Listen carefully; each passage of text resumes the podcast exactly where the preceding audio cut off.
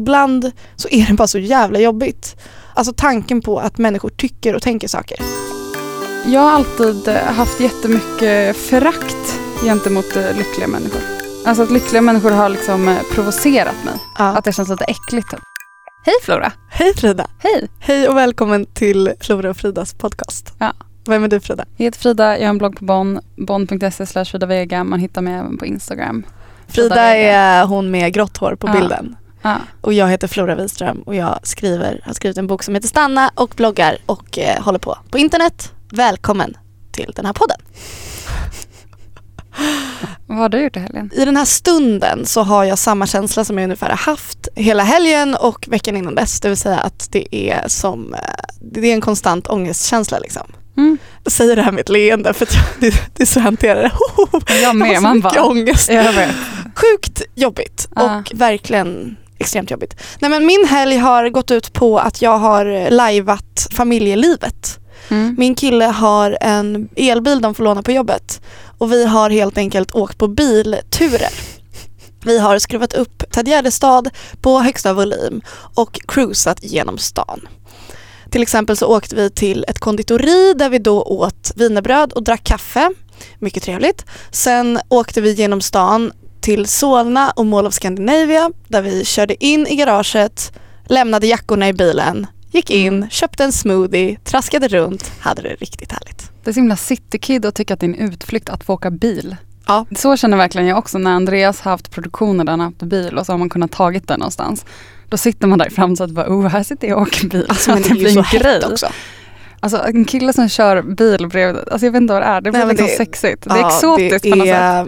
Det är väldigt, väldigt hett. Jag är ju först från liksom Östervåla utanför Tierp, Uppsala och så har jag bott i Upplands Väsby. Där kör ju folk typ alltså epa-traktor och liksom, Mm. folk tar ju ja, men körkort på en gång. Ja. Och då är bil inget konstigt. Men när man väl bor i, i innerstan nu, då är ju bil, alltså bil finns ju inte. Nej men alltså grejen är att om min kille kommer sluta, eller om han inte kommer ha tillgång till den där bilen då kommer jag behöva skaffa en ny partner. Det är bara så. Ny Tinderprofil, det var en kille som mekar. ja, 100 procent. Vad har du gjort Ellen? Jag eh, firade lilla jul i helgen. Ja. Jag är ju skilsmässobarn så att vi har varannat år firar man med pappa och varannat med mamma och det året man inte firar på julafton med till exempel pappa då firar man lilla jul med mamma. Så att nu firade jag lilla jul med mamma och mammas sida av familjen i Norrköping. Och då brukar vi alltid på lilla jul åka till typ ett så här supermysigt idylliskt här värdshus eller herrgård som ser väldigt så här svenskt och gammaldags ut med så tomtar och halmgrejer. Ja men du vet så väldigt så här Mm. eh, sekelskiftets jul typ. Underbart. Med så här, folk är finklädda och det är verkligen så här asdyrt att göra. Men väldigt mysigt. Och min mormor var sjuksköterska och hon träffade min morfar som är läkare under deras utbildning. Och morf- mormor gick bort för något år sedan så det här var första året utan mormor. Och min mor var väldigt så här fancy typ. Att hon gillade vet, kungafamiljen, ville ha pärlhalsband, gillade typ dyra grejer. Åh, Typ. Eh, och eh, morfar är precis eh, tvärtom. Så det här var första julen där morfar fick bestämma hur lilla jul skulle vara. Ja. Och då ville morfar ett litet nytt spår vilket visade sig istället för att åka på något så jättefint eh, juligt julbord liksom. Så beställde han några strippor. Nej, Attans. Så sjukt. Men däremot så hade han istället bokat bord på en lokal pizzeria i, i Norrköping som hade julbord. Vänta var det så pizzabuffé? Nej, alltså det var julbord fast på en pizzeria. Underbart. Och hela grejen med julbord är ju stämningen. Att det är så här julpyntat, julsånger typ.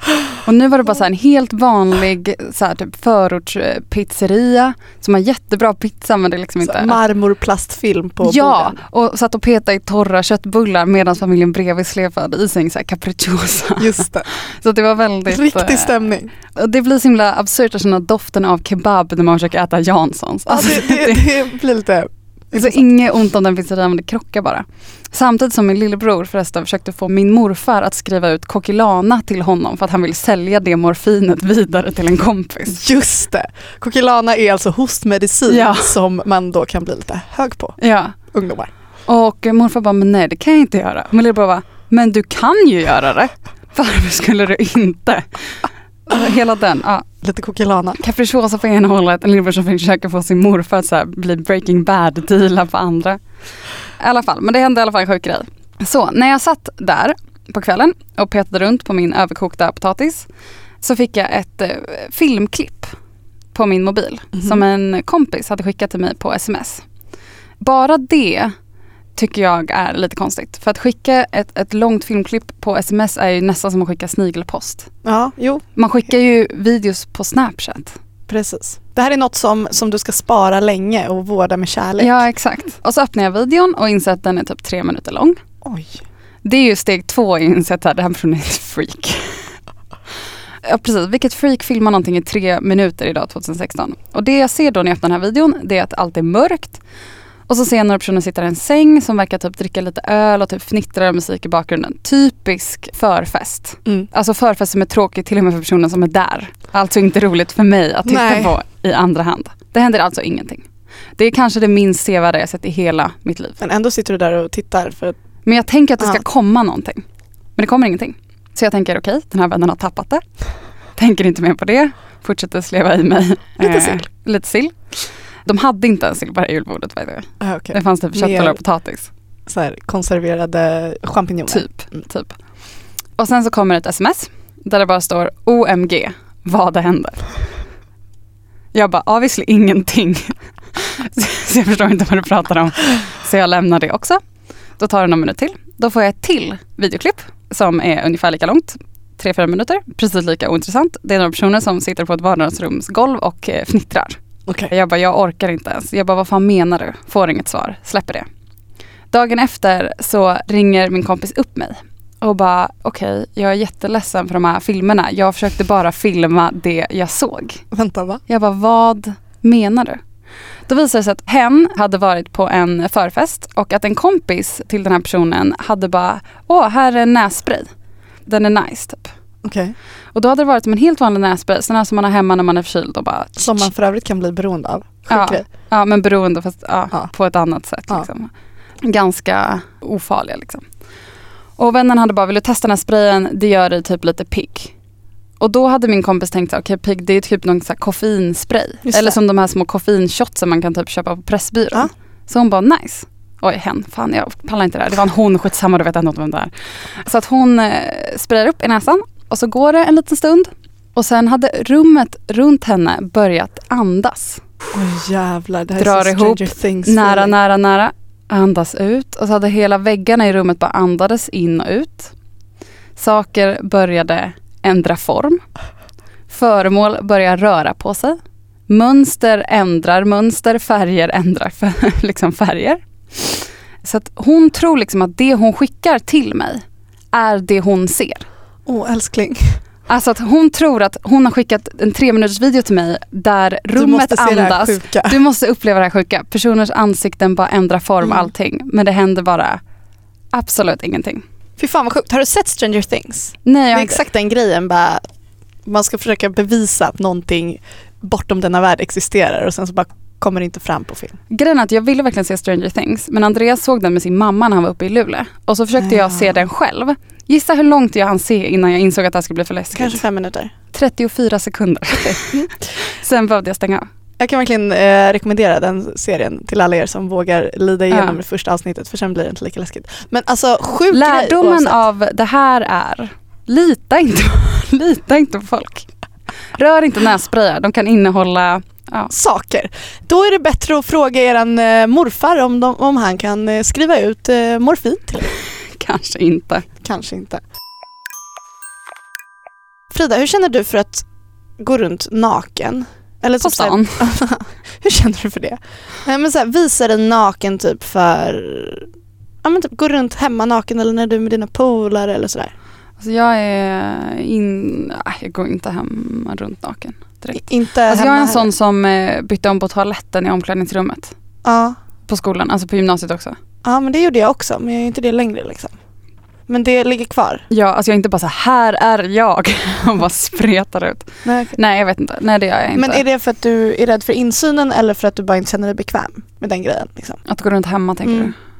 Jag vet inte. Nej. Alltså nej jag känner inte starkt åt det här åt något håll. Förutom att jag häromdagen, där kanske jag redan berättat om, väl gick naken, går in i köket och så står det en byggarbetare utanför fönstret och tittar in. Och då är det så här att man är i en position där bara, täcker man brösten eller täcker man fittan? Så jag vänder mig om och väljer rumpan istället av de här tre. Och bara Ändå bra. långsamt går ut. Bra val. Jag är jävligt trött på byggställning utanför Mm. eh, min lägenhet kan jag säga. Då vet man hur man ska få en, en titt på Frida helt enkelt. Vad känner du själv? Nej men jag, Jag har inte nudistvibbar från dig. nej men jag går nog naken ganska mycket och framförallt hemma själv. Jag sover naken för det ska man också göra för att undvika olika typer av svamp, tjottafräser och sånt där. Sånt där. Sådana saker. Nej men så här, jag sover naken och därför blir det ofta typ, jag hänger runt naken. Och jag och min kille har ju bara varit ihop i typ två månader och i början så sov jag inte naken, för, eller jag gick inte runt naken för att det kändes ovant. Men typ den här helgen så har jag knappt gått utanför dörren förutom då vår biltur och då var jag inte naken av förklarliga skäl. Mm. Men det jag insett med det är att ju mer naken jag går runt desto mer avsexualiserad blir min kropp. Och jag tycker att det är väldigt skönt att nakenhet inte behöver vara kopplat till sex. Utan att det bara på något vis, jag behöver inte, jag, då nojar jag inte om jag är snygg eller inte. För det handlar inte om jag ska vara snygg eller inte. Utan att min nakenhet kan bara vara någonting jag gör för att jag tycker det är skönt. Mm. För förut tror jag att jag har tänkt mycket på att när jag är naken då ska jag vara snygg. Typ, om det jag finns ett, liksom ett ändamål eller en poäng med nakenheten. Ja precis, nu ska jag ragga upp min partner Ja. eller min sexpartner så nu klär jag mig naken typ. Men att det här blir mer eh, casual och vilket i förlängningen gör att jag känner mig tryggare i min kropp och att jag går runt och mensmagen putar ut och brösten är slappa och det är liksom, det, liksom, det finns inget eh, sexuellt i det även om det kan vara sexigt ändå. Och jag eh, har insett det att också när jag är med mina vänner och de liksom byter om nakna inför mig och att det liksom inte är någon grej att min uppfattning om min egen kropp blir mycket liksom snällare och eh, mindre laddad. Det är för kallt. det är för kallt. Då får du stiff nipples. Well. Som en positiv ingrediens. Jag tycker att det är för kallt. Eh, Jag typ sover i hoodie liksom. Ja, jag förstår. Nej, men jag tänker så här att om man ogillar sin kropp så tror jag ändå att det kan finnas någon funktion i att man går runt naken själv hemma också. Att bara så här på något sätt. Här är jag! Ta in rummet! Jag tycker det är härligt. Jag gillar ändå tanken på att så Trummusik eller val. Eh, Jag skulle älska det, dansa lite modern dans i sin nakenhet. Men på något sätt att en syfte i livet inte är att vara snygg. Att så här, mitt, syftet med min kropp är ju inte att jag ska vara snygg. Utan den är att den ska bära mig. Och att ju mer naken jag är desto mer kan jag liksom omhulda den tanken. Så att säga. Mm. Och så tänker jag för övrigt jättemycket med typ hela, typ när jag tycker illa om mitt utseende eller så. Att just den grejen, typ så här, mitt syfte här i livet är inte att jag ska vara snygg. Det finns liksom andra godare grejer att, att bry sig om. Förra veckan så var Andreas borta på produktion i Göteborg. Och då hade jag nog som mest fyra sopsäckar i lägenheten. Alltså sopsäckar som ska slängas, Ja, som står kvar ja. i lägenheten. Jag bor på 24 kvadrat. ja, det blir lite trångt. Det blir en lukt Ja, av dem. ja. Som mest tror jag också att jag hade tre använda tamponger, visserligen ihoprullade med papper men ändå på badrumsgolvet. Badrumsgolvet. Ja men jag liksom kommer aldrig ibland vidare med att jag slänger dem i köket. Men har Så du ibland inte bygger en där hög. Nej, soptunna? nej för att jag tänker typ så här, jag orkar inte ha en soptunna i badrummet för att det är så nära soptunnan i köket men obviously så är det ju för långt för att slänga. Men skitsamma. Jag ville bara poängtera att så här, jag kanske inte är den eh, mest pedanta personen. Nej, det kanske inte är. om man lägger det på det sättet. Och det här outade ju också Andreas när han var med för typ två avsnitt sedan. Att Ja. jag är ganska stökig. Och så på tisdagen förra veckan så var jag shoppade med NIM som belöning för att jag tänkte städa senare Ah, bra! I förebyggande i, syfte. i veckan. Mm, Mm. Ja. Jag jobbar väldigt mycket med tidiga belöningar. Mm. Jag jobbar väldigt mycket med bara morot Ja, istället för morot och piska. Mm. Slutade med att jag inte städade alls. Men jag hade den ambitionen i alla fall.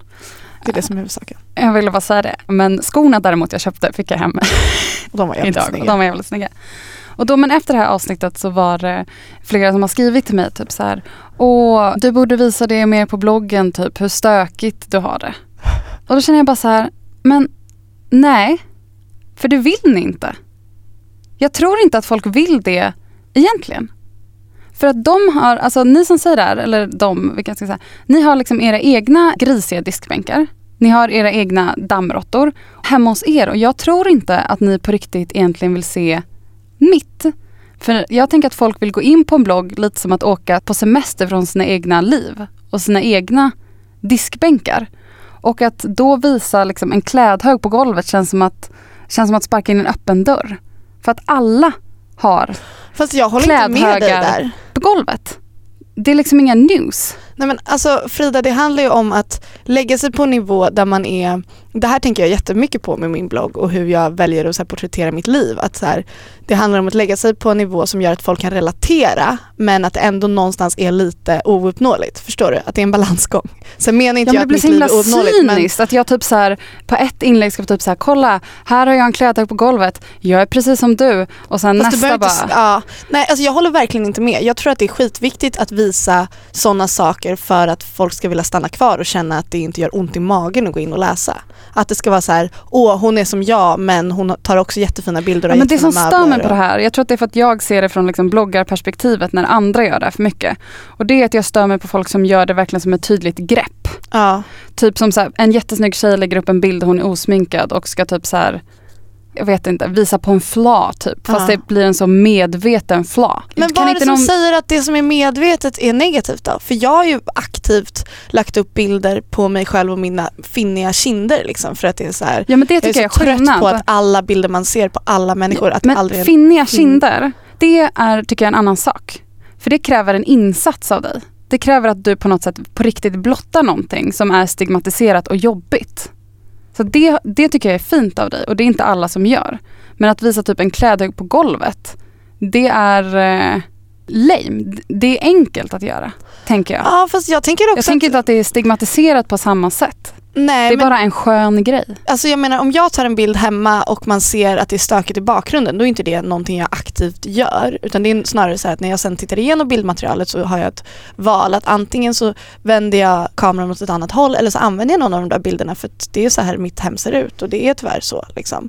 Jag vill i alla fall inte att de som läser min blogg ska få ont i magen. Jag vet själv när jag när jag läser bloggar, och nu pratar jag inte om din blogg för att jag känner dig och därför kan jag också läsa mellan raderna. Typ. Men att jag håller inte med. Alltså jag tycker att det är, Fast du har ju så här, alltså när du lägger upp bilder hemifrån dig. Lägger du upp en bild på din eh, bokhylla då är det ju när den är eh, städad. ja, Och sen är det i så fall nästan ett separat inlägg där man visar kolla så här stökigt är det ja fast det kan också vara att jag har tagit en bild på mig själv med självutlösare och att inte brytt mig om att ta bort allt skräp som ligger i bakgrunden. Men det kanske, man kanske inte heller bryr sig så mycket, det kanske inte, man kanske inte noterar det särskilt mycket. Men jag tror att även de besluten som är medvetna och det kanske blir lite plakatigt, alltså jag... Så kolla här nu, kolla på mig, jag är som du, jag har stökigt. Ja men, Nu, men jag vet inte, jag ändå... tror inte att vi tycker så olika ändå. Jag, jag köper att man gör det ibland. Men jag vet inte, ibland tror jag att personer tror att de vill ha typ bilder på att det är stökigt och de vill Mm. ha bilder på folk som där folk inte är så snygga. För att de tänker att det är det de vill se. Men jag tror inte att det på det stora hela är vad folk vill se. Folk säger typ, ja det är så nice med naturliga bilder. Men om man tittar liksom rent konkret, vilka bilder är det som får mest likes till exempel på en selfie? Då Mm. är det de selfiebilderna som är så perfekta som möjligt. Men det tänker jag också är den stora massan. Att man någonstans också får tänka att det som går hem i den stora massan och det som går hem kanske hos en smalare publik. Jag tror att alla så här, feministtjejer och medvetna tjejer är precis lika eh, benägna att falla in i den att vara mer trolig att lajka en väldigt snygg selfie än en, en woke up like this och menar det fast man är liksom morgontrött. Typ. Jag tror bara att folk har en bild av att de vill se någonting väldigt eh, vardagligt men jag tror att väldigt få egentligen i längden är intresserade av det på riktigt. Mm. Jag tror att det var poängen. Och jag tror att det handlar om att lägga sig på en nivå där man kan relatera men samtidigt sukta. Ja, absolut. Och det är ju väldigt så här vanligt, eller så vanligt grepp tror jag hos bloggare. Och vi har faktiskt också, du och jag har ju pratat om det här. Mm. Och jag tror att väldigt många bloggare gör det. Att så här, man gör något typ av inlägg för att visa skapa igenkänning, typ hej jag är som du, typ Blondinbella gör det jättemycket. Typ, kolla här står jag och lagar stuvade makaroner. Mm. Och läsaren bara, åh stuvade makaroner, hon äter precis som jag. Typ. För så Surprise. känner man ju, för man skapar en så här gemensam anknytningspunkt. För man Mm. bara ska sitta och titta på när Blondinbella kör med sin Porsche Panamera, då hatar man henne. För att Ja. man inte känner att man kan relatera. Så man behöver de stuvade makaronerna. Exakt. Men sen i nästa inlägget kommer när hon kör med sin Porsche Panamera och då unnar man henne lite det. För att vi tillsammans har ätit stuvade makaroner. Men det är ungefär som att man vet att Kinsa röstar rött. Alltså jag tänker att det är också lite samma grej. Att det är, man vet att hon är en av Sveriges rikaste personer och att hon är vänster. Liksom. Mm. Då blir allt okej på något vis. Mm. Man är lite mer nere med folket kanske. Mm. Det är väl bara att säga att när någon riktigt så här snygg polerad person lägger upp någonting som inte är polerat men ändå tillräckligt polerat. Ja. Då blir jag ändå äcklad. Ja men det köper jag helt och hållet och vilka För nu är det någon som människor är det som kan ha, vara att, natural beauties? Jo det är inte en promille som kan vakna upp på morgonen och se. Men det om- är ju. Kinsa. Mm, det är Det Kinsa. är ju bara Kinsa. Tur att hon röstar rött. Jag vill ju att de här personerna ska bara göra ett inlägg bara så här, i natt så satt jag och tänkte bara jag ville typ ta livet av mig. Mm. Det vill jag att någon ska säga. En insats, eller som du, de verkligen lägger upp en finnig bild. De är verkligen så här, det är ju en riktig blottning. Menar du att jag ska få en medalj nu Frida? Ja, Tack. jag tar med nästa gång. Tack. Jo nej, men jag eh, får ju förhållandevis ganska ofta kritik. Och min kritik som jag får på bloggen är ju inte särskilt hård egentligen utan det är folk som kräver en viss typ av medvetenhet hos mig och ifrågasätter om jag inte alltid upprätthåller det. Och det kan vara att jag äter vegansk mat och sen har jag på mig ett par skinnskor och sen så blir det ramaskri. Eller när du tipsar om att ta ett varmt bad på vintern för att minska depression. Det finns många saker man kan klanka ner på hos mig. Man kan även klanka ner på att Flora har ett badkar. det är hemskt, hur kan jag? Jag refererar alltså kort där till att Flora förra hösten fick en del hetska kommentarer om att Flora tipsade om att ta varma bad för att man slösade på resurser genom att bada varmt. Och det kanske man gör men någonstans får man dra en gräns tycker Ja. jag. Jag tror också så här, jag har varit väldigt ångestfylld de senaste, eller framförallt den senaste veckan. Mm. Och varenda kommentar som har varit ifrågasättande har varit extremt jobbig. Mm. Jag har liksom inte alls kunnat hantera grejen att människor ska tycka till om det jag gör. Att det är lite det som är baksidan med att hela tiden också ha lyxen att göra sin röst hörd och ha möjlighet att påverka. Att baksidan är att man också hela tiden då måste stå till svars. Och det är självklart, det är också en ynnest att kunna göra det men ibland så är det bara så jävla jobbigt. Alltså tanken på att människor tycker och tänker saker. Sen är det mycket möjligt att ingen jävel tycker och tänker saker för ingen bryr sig. Men när jag kommer in i mina liksom deppiga skov eller ångestfyllda perioder då blir jag väldigt paranoid. Inte på ett maniskt sätt men ändå att jag börjar tänka så här, vad tycker den här personen om mig och nej har jag sagt någonting opassande. Och då blir jag så här, då vill jag nästan stänga av kommentarsfältet för jag klarar inte riktigt av att ta att någon ifrågasätter varför det är ansjovis i min tapenad när jag är vegan. Oj, jag visste inte att det var ansjovis i tapenaden. Vad jobbigt men liksom, förstår du? Mm. Jag träffade ju dig i tisdags och inte för att jag var on top of my game men du var ju verkligen en liten blöt pöl. Ja, men du formulerade det så fint också för du sa Flora jag ser oroväckande lite tandkött i, din, i ditt ansikte just nu. Och ja, det var verkligen så att allt bara Ja. hängde och jag bara hade en otroligt jobbig kväll och bara kunde knappt andas för att jag hade så mycket ångest och ringde mamma och grät så att snoret rann ner i min mun och sa bara jag orkar inte känslan av att alla ska tycka saker hela tiden. Mm. Och sen nu några dagar senare så jag har fortfarande ångest men nu kan jag mer hantera det och säga "Ah, ja men vad fan då får de väl tycka saker och jag tycker också saker och jag fattar att jag blir ifrågasatt. Men det är bara, ibland så är det bara så här vill jag bara sticka härifrån. Ah, det är jobbigt, det är jobbigt att vara bloggare. Det är lätt att skämta om. Och sitter man och lyssnar på det här bara men jag fattar att det låter platt men jag tror att man alla kan, eh, kan relatera till att Ja, men oavsett om man, om man har en, ett Instagramkonto med 10 000 followers eller ett Instagramkonto med 50 followers ja, så är det väl ofta för väldigt många ångestfyllt att behöva upprätthålla någon typ av livsstil eller det ska liksom se ut på ett visst sätt och ibland så blir det bara kvävande för att man Mm. kan inte leva upp till allt hela tiden. eller om man har 10 000 följare eller om man har 50 följare så skriver någon av de här 50 följarna typ någon eh, bitter kommentar. mm. Då är ju det jobbigt. Ja, det naglar sig fast. Och den kommentaren ser man lika mycket oavsett hur många följare man har. Ja, verkligen. Men att på något sätt ibland så bara Ibland eh, pallar jag inte. För jag kommer aldrig kunna vara alla till lags. Det är helt omöjligt. Och jag har duktig flicka liksom. Alltså, jag tror båda vi så här, försöker vara alla till lags och typ så här både fått av andra någon typ av stämpel att vi är så här bra förebilder mm. och på något sätt även försöker vara det själva för att vi bryr oss himla mycket om eh, framförallt tonårstjejer liksom, och vill känna att vi, vi bidrar på något sätt till en, en grupp som har det väldigt jobbigt i, i eh, en period i livet som verkligen suger. Och det var ju också väldigt mycket, nu gud vad det här blir meta nu, I'm sorry, men också många kommentarer på bloggen om folk som är irriterade av att vi försökte vara typ förebilder för mycket. Ja, alltså det är så här, antingen säger någon att man är förebild för mycket eller så säger någon att man är en dålig förebild. Eller så det kommer alltid finnas röster som säger saker åt alla håll. Och det är väl det som ibland blir väldigt kvävande att man liksom är såhär, men ska jag skita i det här då? För jag vet inte hur jag ska kunna tillfredsställa alla. Men att i grund och botten så handlar det inte om att tillfredsställa alla utan det handlar om att lyssna inåt och försöka göra sin grej. Och sen så Mm. vissa kommer tycka om det och vissa kommer inte tycka om det. Men sen så finns det ju många också som säger så här, jag har inte bett om att vara en förebild. Och jag känner att så här, ja, om folk tycker att jag är en förebild då får jag axla den rollen. Sen är det klart att jag ibland kan bli säkert uppläxande eller um, klämkäck eller jag har ju sådana tendenser, det vet ju de flesta som har lyssnat på den här podden. Liksom. Sån är jag och vi får se vilka vi tillfredsställer och vilka vi inte tillfredsställer. Och, ja. Men du, jag vet ju att du har eh, haft det ganska kämpigt också. Vad är det som har hänt för dig den senaste veckan? När jag var yngre så, gud vad mycket börjar med, när jag var yngre, som att jag levt ett jävla långt liv. På Men så här då. 50-talet när jag hade strut-bh. Jag har haft eh, panikångest i mitt liv, om jag säger så. Då. Men nu var det ett tag sedan. Och då var det väldigt mycket att jag haft problem med typ att vara på ställen där det är mycket folk eller typ köpcentrum eller, eller ytor som är små eller varma för det triggar igång liksom. Och jag kommer ihåg att den gången min, min värsta panikångestattack var när jag var i London och var på väg till flygplatsen och var själv på en tunnelbana liksom. Och höll på och bara, alltså trodde att jag skulle dö typ. Fast jag samtidigt höll i huvudet att jag kan inte gå av det här tåget nu för då kommer jag missa mitt flyg. Mm. Fan. Och jag var typ 18 eller någonting och liksom hade inte ens råd. Jag hade liksom inte, det fanns ingen chans att jag hade råd att köpa en ny biljett hem. Och jag var ensam i liksom London på den här tunnelbanan och bla bla bla. Så jag bara, jag kan inte gå av men jag kommer typ dö på den här, på den här vagnen. Typ.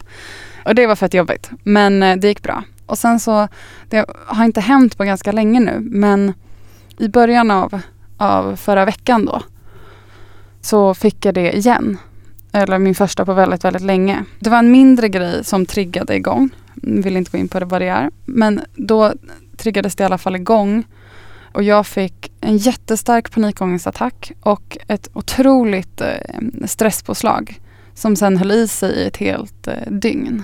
Va? Och jag var ensam hemma och försökte liksom, för det här kom först liksom på eftermiddagen, kvällen. Och så försökte jag somna och det gick inte. Alltså jag låg i sängen och mitt hjärta slog som att jag höll på att springa ett maraton. Och det kändes som någonting, en sån här sten verkligen bara tryckte över bröstet så jag fick jättesvårt att andas. Samtidigt som min puls var så himla hög. Och hjärnan bara snurrade så himla snabbt. Och jag försökte göra liksom alla, för att jag har haft panikångest och mått väldigt dåligt så man får så massa olika knep liksom. Så jag försökte att så här, jag var okej men nu har jag stresspåslag, nu har jag panikångest. Nu försöker jag andas lugnt och så försökte jag andas långsamt. Jag försökte tvinga mig själv, alltså att man ler. Alltså man så här, ler med hela munnen för att liksom lura hjärnan att komma ur det. Jag försökte varva ner tankarna genom att tänka på andra saker och tänka på mer vad ska jag göra imorgon än att de speedar upp sig. Men liksom ingenting funkar och till slut så somnade jag någon gång på natten. Vid typ femtiden sov typ en timme och sen så vaknade jag igen. Och då var det helt omöjligt att somna om för det bara snurrade, snurrade, snurrade vidare. Jävlar. Otroligt, eh, otroligt obehagligt.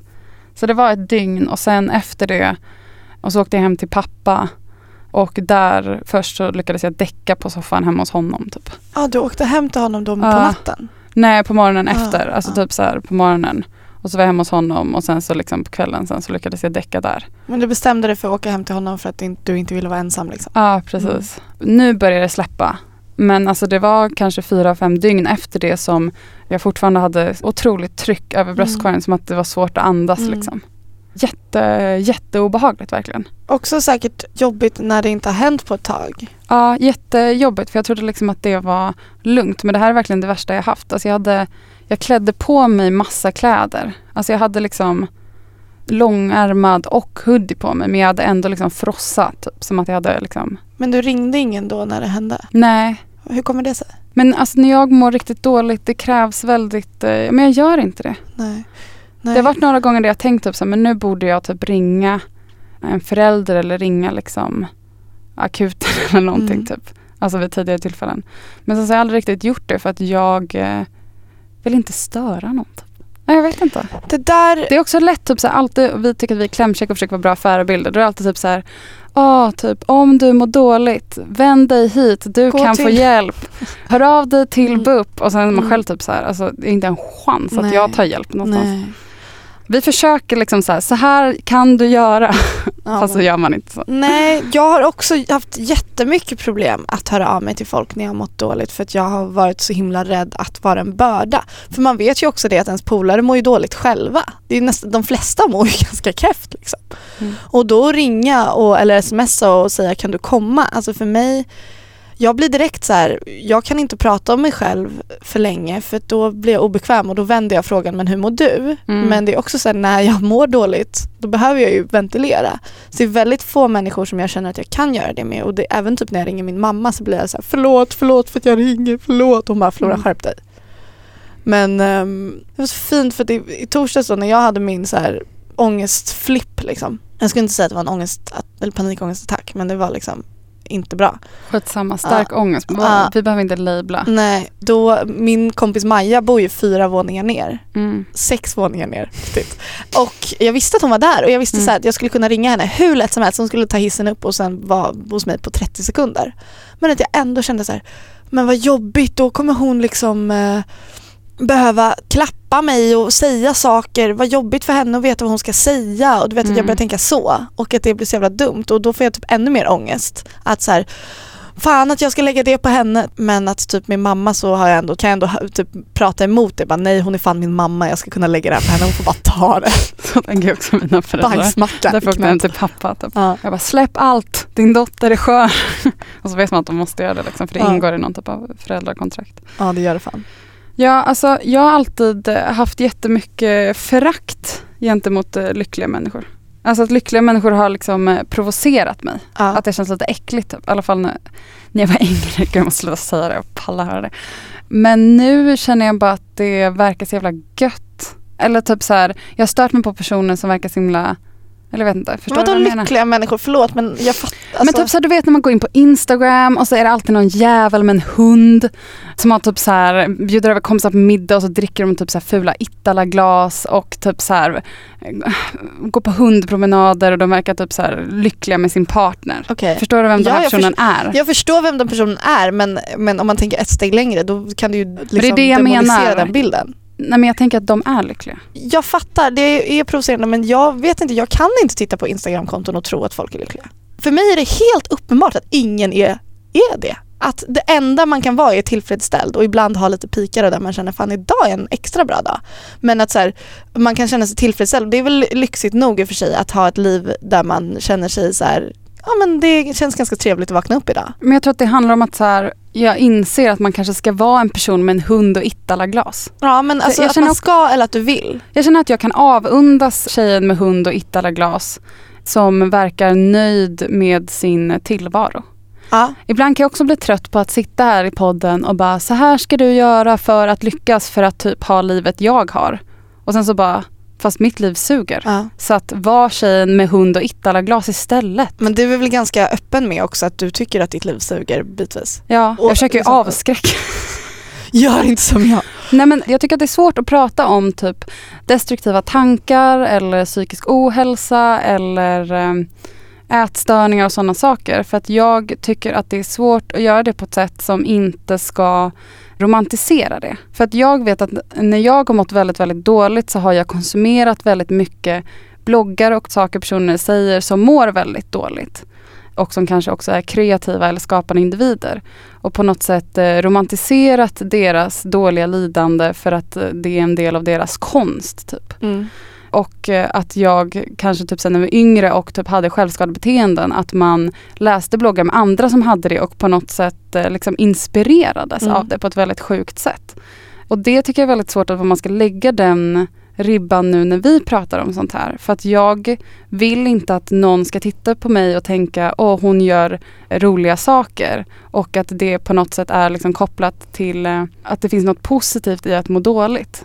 Eller förstår du vad jag menar? Att de sakerna liksom hänger ihop. Men jag tror att man får lita på att människor fattar att alla människor mår dåligt. Alltså jag tror att Jo, det är jo så- det fattar jag men jag är bara liksom rädd att det ska finnas Att man ska dra kopplingar mellan, mellan sitt instabila psyke och... att göra bra saker. Så jag Ja. vill verkligen underskriva att så här, när jag mår som sämst då skapar jag skit. Ja. Alltså jag gör bara dåliga saker. Man, man blir självupptagen och ältande. Självkritisk. Och självkritisk. Gud ja, jag jobbar ju på min bok nummer två nu och har så här avsatt så här jätteduktigt i min kalender så här, skriva på förmiddagarna, jobba med blogg och övrigt på eftermiddagarna.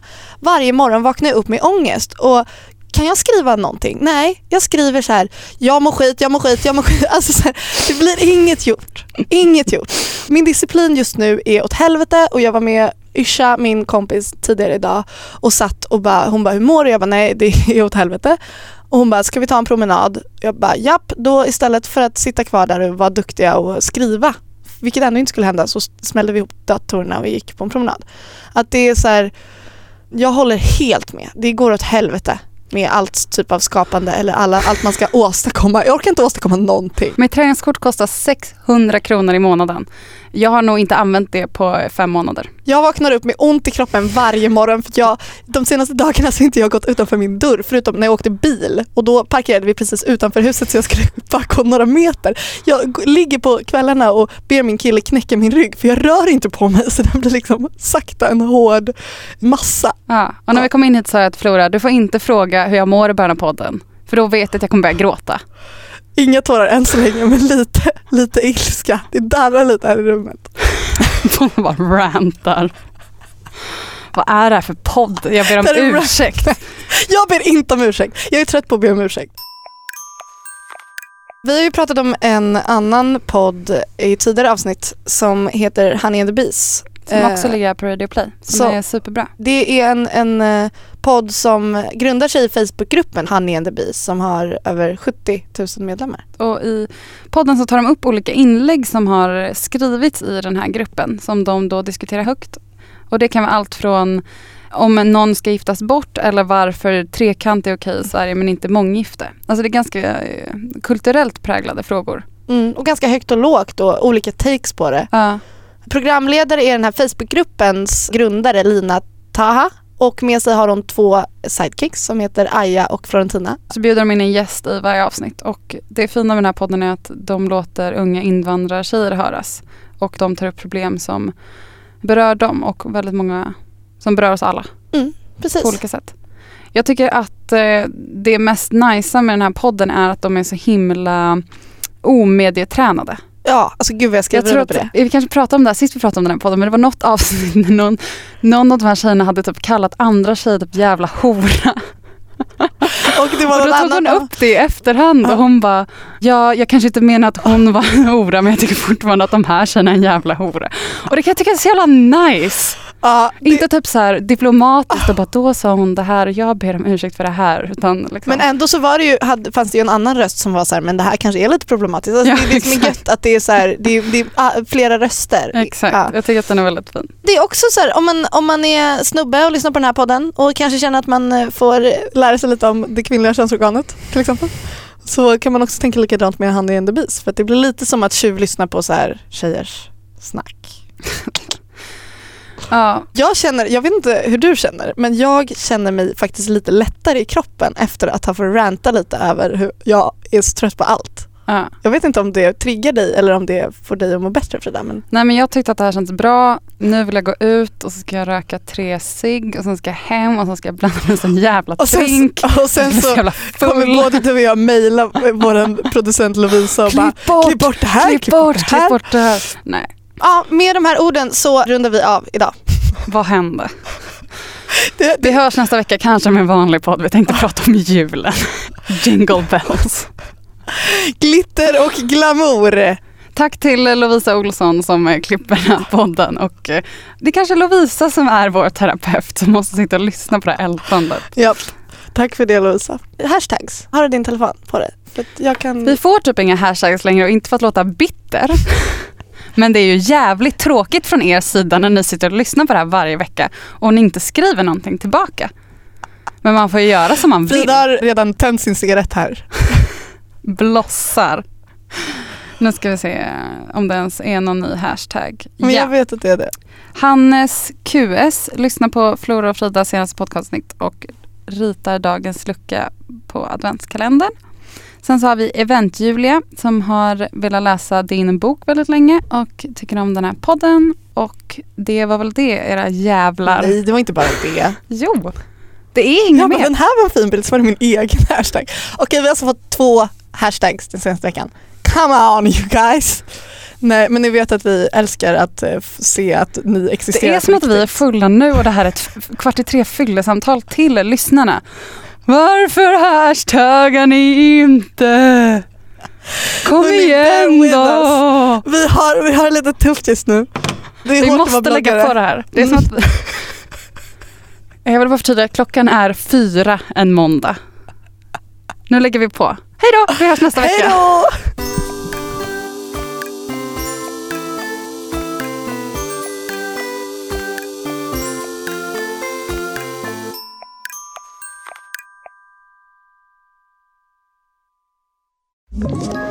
Ett poddtips från Podplay. I fallen jag aldrig glömmer djupdyker Hasse Aro i arbetet bakom några av Sveriges mest uppseendeväckande brottsutredningar. Går vi in med hemlig telefonavlyssning och, och då upplever vi att vi får en total förändring av hans beteende. Vad är det som händer nu? Vem är det som läcker? Och så säger han att jag är kriminell, jag har varit kriminell i hela mitt liv men att mörda ett barn, där går min gräns. Nya säsongen av Fallen jag aldrig glömmer på Podplay.